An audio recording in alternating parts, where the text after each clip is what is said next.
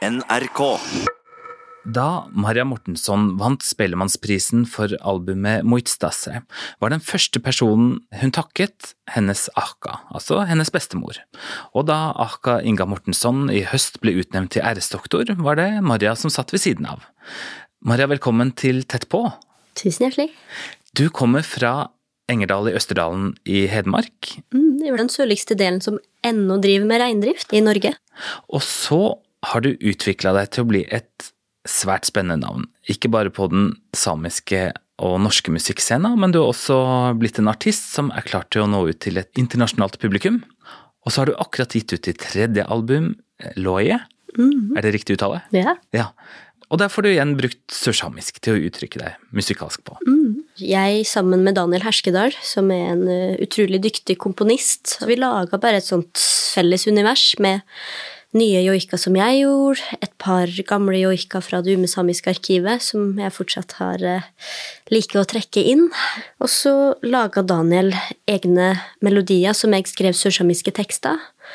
Og så fikk vi uh, strykekvartetten da, som Daniel skrev i tillegg til det her. Akkurat. Det er spennende da, å jobbe med musikk, at man kan få med seg alskens eh, samarbeidspartnere, eh, som ikke nødvendigvis bare er i den samiske tradisjonen, men som tenker musikk, eh, at det er språket. Og så har du sørsamisk som en ekstra dimensjon. For jeg har jo hørt noe, og jeg syns det er et veldig sånn rikt og spennende og egentlig sånn sammensatt lydunivers, da. Jeg er jo bare nysgjerrig på hva, hva musikk man kan lage med grunnlag på min egen tradisjon. Jeg tror at instrument har liksom aldri betydd så mye akkurat hva det er. For det eneste jeg har gått etter, er egentlig lyden. Stemme er jo en klang.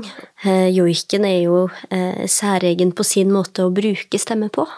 Jeg føler jo at jeg ikke har vokst opp med joiken. Jeg har jo ikke hatt den rundt meg, men jeg har likevel visst at det er vår tradisjon, og den fins jo i meg fordi det er vår folkemusikk. Jeg begynte jo musikklinja, eh, og da var valget klassisk sang.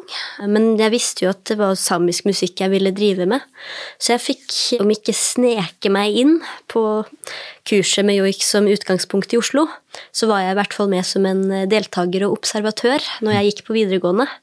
Eh, Men jeg fikk ikke lov til å ta eksamen, for jeg måtte bli ferdig med videregående først. Oh ja. Eh, Så da endte jeg opp med å ta det kurset to ganger, som Frode Fjellheim eh, har på Nord universitet i Levanger. Og der møtte jeg arkivene for første gang i en alder av 16, er man kanskje? Og fant noen joika som jeg syntes var så utrolig fine. Da forteller min farmor, eller Ertjaka, ja, men det her er jo mennesker jeg har kjent i hennes ungdom. Og det at hun visste hvem det her personene var, litt karakterene rundt dem, og ikke minst at hun hadde vokst opp i en setting hvor joiken var mye brukt, og hun hadde òg sin egen personjoik. Det ga meg jo mye informasjon. I arkivene så forteller de jo om at ja, men denne elva har egen joik, reinmerket har sin egen joik, det her personene har sine Så det er så mye fortellinger og formidling som ligger der, som jeg er veldig glad at finnes, og at man i dag kan lytte på. Og så er det jo det store spørsmålet hvordan vil jeg definere den joikekulturen som jeg eh, lever i, da? Som har vært stille veldig lenge. Hvordan skal man begynne å løfte den opp igjen? Ja. Men det at, at joiken lever, den må ikke leve på en scene. Men det er bare så viktig å ha det dokumentert. At det fins der, at i det her områdene så har det blitt joika. Det er fasiten. Det er liksom Sånn er det. Og har man mer informasjon enn det, så er jo det enda bedre. Da fins den fortsatt i live. Du har jo vokst opp i en familie som har drevet med reindrift. Hvordan tar du og dere vare på samiske tradisjoner i reindrifta? Vi tar vare på tradisjonen gjennom å leve i reindrifta, på mange vis. Det er jo et eh, liv hvor man bare følger årstidene og syklusen til rein. Hver årstid har sin arbeidsoppgave. Det har man bare alltid vokst opp med. at nå er det tid for slakt, for nå har bakken frosset, og det har kommet snø, så da er det rent, renslig nok til å kunne slakte. Eller høste bær, kalvmerking når kalvene kommer, og har blitt en måned eller to. Det er jo den kunnskapsoverføringa som skjer fra generasjon til generasjon. Så det er jo den beste måten å bevare det på. Men det er litt vanskelig å tenke at man gjør bevaring når man står midt i det, for det er jo bare hverdagen. Ja, sant. Men ser man det jo litt utenifra, så er det, jo, er det jo ikke sånn hverdagen er for de fleste folk. Og det var jo litt å forstå eh, etter hvert som man flytta hjemmefra, at eh, det livet man nå lever i, det er annerledes. Fordi samfunnet har endra seg, og det her med matproduksjon er jo en helt det er jo en helt annen verden enn for 50 år siden, hvor mange var mye, mye nærmere matkildene sine, og man tok i bruk naturen mer aktivt. Kommer du til å fortsette i reindrifta, tror du? Den er jo alltid en eh, del av meg. Men ennå så er jo min far som har drifta. Eh, Vi er jo to søsken, eh, men det er jo vanskelig å tenke seg at jeg ikke skal være en del av det. Så jeg sier nå hvorfor ikke. Ja. Vi må være flinke på mange ting. Så, så jeg gjør noe musikk.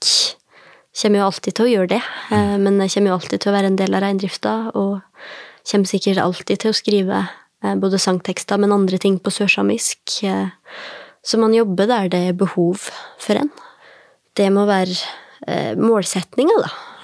Å bare kunne leve med det man føler er riktig og godt for sitt eget liv. Hvordan har det vært å være i reindrifta i Hedmark? Historisk sett så har man jo drevet reindrift i mye større områder, mye lenger sør enn det vi er i dag. Men det var vel de områdene vi til slutt endte opp med. Vi har et veldig stenrikt land. Men reinen den klarer seg jo på utrolig lite, eh, og gir så utrolig mye av de fjellressursene den har. Jeg syns det er veldig fascinerende det der ordet villmark, da. Når folk kjenner til områdene mine, så er det villmark for veldig mange.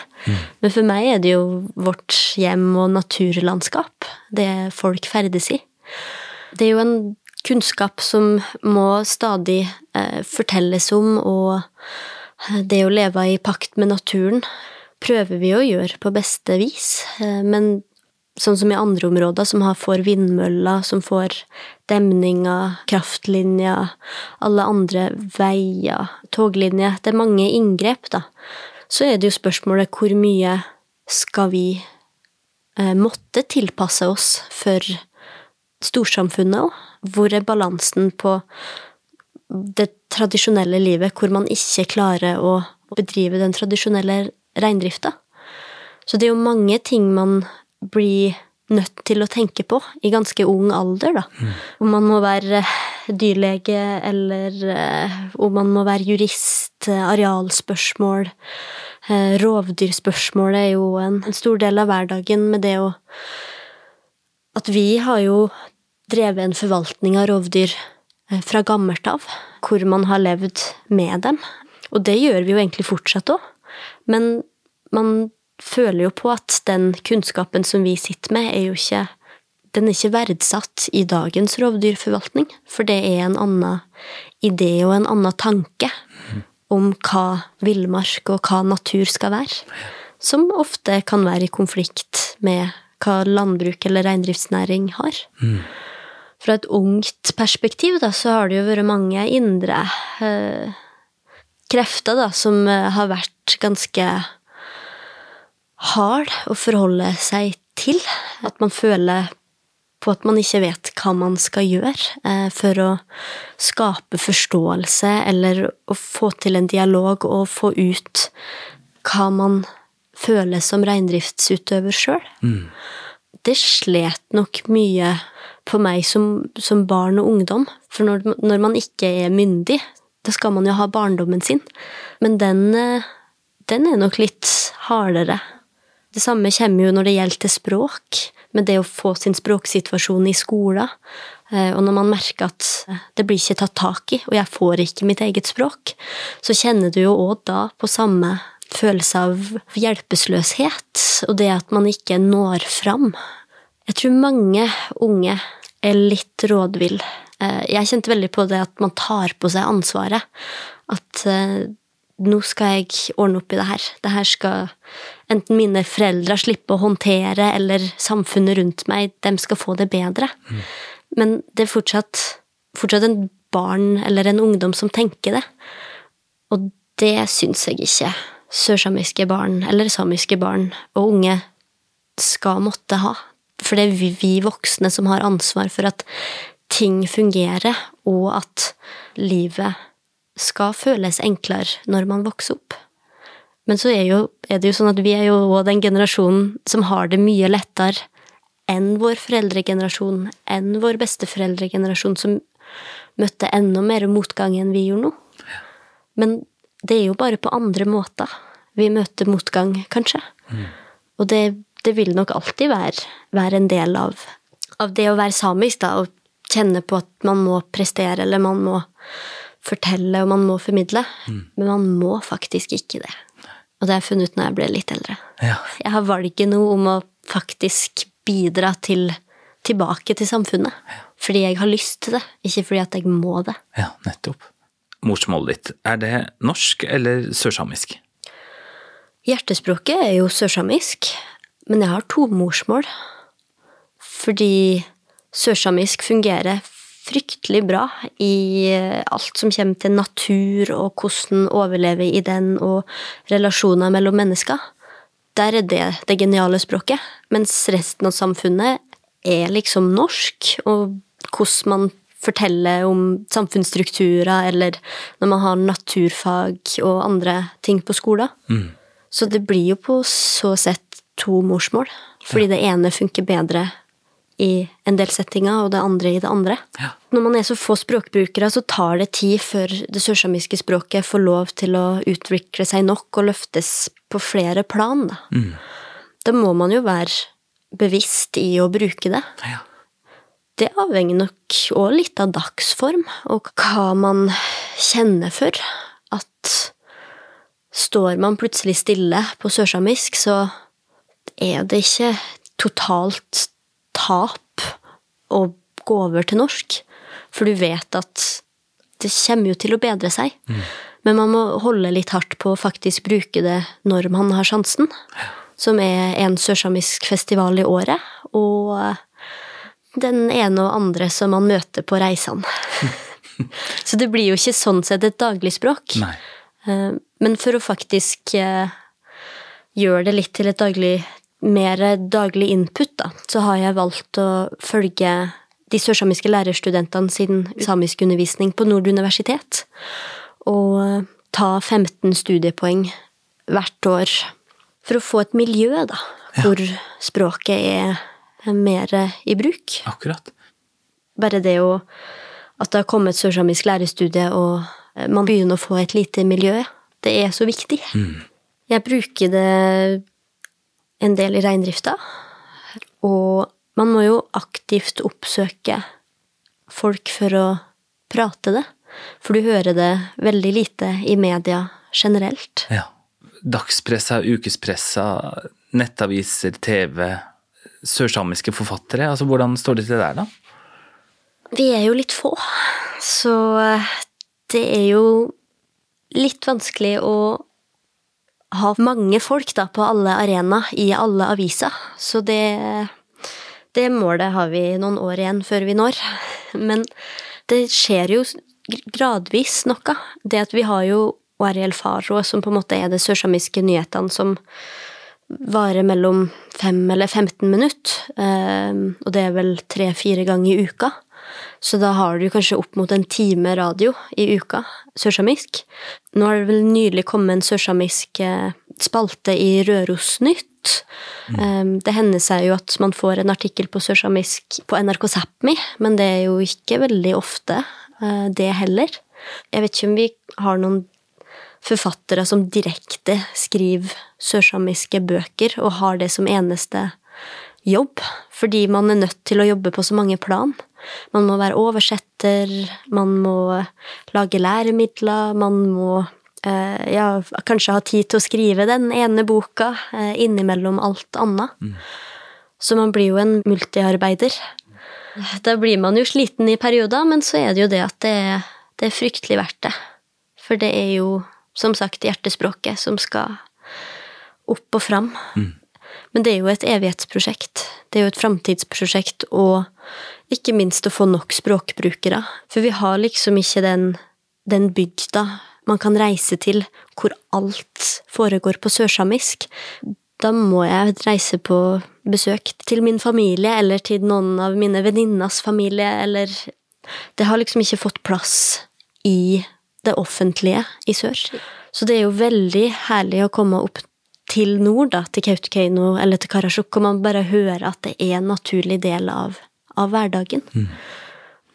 Du, tidligere i høst så ble altså din aka, bestemor, Inga Mortensson, utnevnt til æresdoktor ved World Indigenous Nations University for mm -hmm. å mhm. overføre tradisjonell samisk kunnskap i skolen og til kommende generasjoner. Hvilken betydning har hun hatt for deg? Hun og min bestefar var liksom så fast bestemt på at reindrift er livsveien vi skal ha. Og hun har gitt all den kunnskapen hun har, til sine barn, og igjen til neste generasjon, til sine barnebarn. Og hun er nå ennå med og formidler det. Så hun har jo vært en skikkelig sterk dame som virkelig har eh, stått på at vi skal ha reindrifta og i sør den kunnskapen som hun deler med seg, blir jo med oss videre. Ja. Og så ikke minst joike-arven nå, som hun har overført på sitt vis, da muntlig. Jeg fikk lov til å ta en liten prat med henne, så vi kan høre litt på det. Inga Mortensson, du ble altså utnevnt til æresdoktor. Gratulerer. Takk. Hvordan er det å ta imot en sånn utmerkelse? Og jeg har aldri blitt så overraska noen gang som når jeg hørte at jeg var utnevnt til denne ærefulle pris. Jeg tenkte at denne prisen var veldig viktig, ikke bare for meg, men for hele Sápmi. Ja. Og hvorfor det? Det er jo en veldig fin måte å synliggjøre oss som folk. Da du mottok prisen, holdt du en tale hvor du understreket hvor viktig reindrifta er, og hvor viktig det er at den skal føres videre til nye generasjoner. Kan du fortelle litt hva som var viktigst for deg å få fram? Du fikk en veldig nærhet til rein. Og det var jo det viktigste i livet. Og vi var jo sjølbergen på reindriften. Ja. Den ga oss mat, den ga oss klær. Og den ga oss jo et veldig fint liv. Ja. Hvordan var det for dere å forholde dere til eh, omgivelsene og den norske befolkninga? Vi ble veldig godt mottak ut av befolkningen. De var veldig hjelpsomme, og, og jeg husker ikke annet enn at vi var velkommen. Ja. Har det vært noen andre ting som har vært krevende for dere i reindrifta? Ja, hele utviklingen har jo nå vært veldig krevende til dags dato. Landet krymper med kraftutbygging, hyttebygging og turisme. Så jeg ser med bekymring på framtiden til reindriften. Ja. Det har jo vært mange som har vært utsatt for fornorskningsprosesser, som har merket det på forskjellig vis. Har du blitt påvirket av det? Ja, den svenske normalskole, der språket var forbudt Joiken var forbudt. Og vi skulle jo tilpasse oss det svenske samfunnet. Og det var en hard tid. Ja. Hva betyr joik for deg? Min far joika jo veldig mye. Men eh, siden jeg hadde gått på denne nomadskolen og lært meg at det var synd, og slik som Marie Brune sier, djevelens verk, så ba jeg han hele tida at han måtte ikke joike, for det var synd. Og det angrer jeg jo på i dag. Og jeg har jo gitt mitt barnebarn mye av bakgrunnsstoff til alle de mennesker som hun nå joiker. Tusen takk skal du ha. Maria, nå som du har fått såpass mye oppmerksomhet som du har gjort da, gjennom karrieren din, opplever du at du kommer ut? Altså ikke bare som musiker, men også med det sørsamiske? Jeg føler jo at man har fått eh, satt både det sørsamiske språket på kartet, den sørsamiske joiken, den umesamiske joiken fra min ætjakas farmor sin side, og um, rett og slett bare musikk òg. Hvis man ser bort ifra alt samisk, så er jo òg eh, målet å gjøre noe eh, litt episk musikalsk. Men så henger jo alt i hop, så da blir det jo en evig, en evig runddans. Men jeg føler at det har kommet ut mye fint, og um, føler jo at det blir mottatt på en god måte, og med åpenhet og mye nysgjerrighet rundt hvem vi nå er, hva det sørsamiske språket er, og ikke minst det at vi nå bor i Hedmark, og du skal ikke lenger enn dit før eh, det sørsamiske språket og reindrifta er en del av eh, Norges land. Ja, sant. Så du strekker jo ut Sápmi i bevisstheten til folk. Det tror jeg absolutt. Jeg leste en sak med deg hvor det sto at, eh, at det var menn i dress og slips som måtte felle en tåre da de hørte musikken deres. Fikk du med deg det? Ja da, vi har fått med oss den. Vi syns jo det var en smule humoristisk eh, overskrift. vi var i Brussel eh, og spilte, hvor vi på mange vis opplever at eh, man må ikke på liv og død forstå akkurat hvert ord av hva det synges eller joikes om. For gir du folk en kontekst, så maler jo både melodier og lydbildet et visuelt eller et indre bilde til folk, da. Så vi opplevde jo at det var veldig mange som var rørt, og syntes det var en fin fremføring og en, en, å gi en kontekst til musikken. Det er vi jo bare glad for. At det kan berøre og emosjonelt. Du, Maria, jeg har jo ikke forberedt deg helt på forhånd, da, men jeg hadde nå likevel lyst til å spørre deg om du kunne tenke deg å, å dele en av joikene med oss. Det får bli en liten eh, snutt av Galkijoka, rennende elva. Ja, akkurat. Fra liten til stor blir den jo etter hvert som den fer nedover. Ja.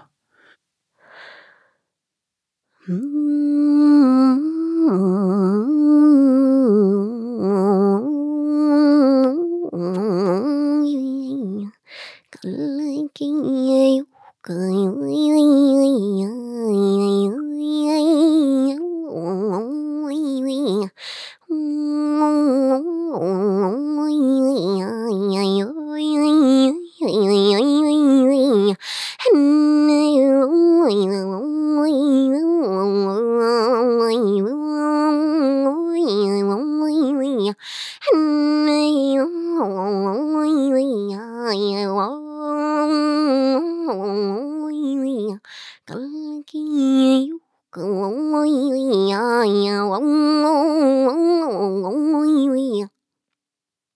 Maria Mortensson, tusen takk for at du var med i Tett på. Tusen hjertelig takk, Reito. Og. Tusen takk for at jeg fikk komme hit. Og jeg heter Svein Lian. Tett på fra NRK Sápmi er produsert av 1 til 1 Media.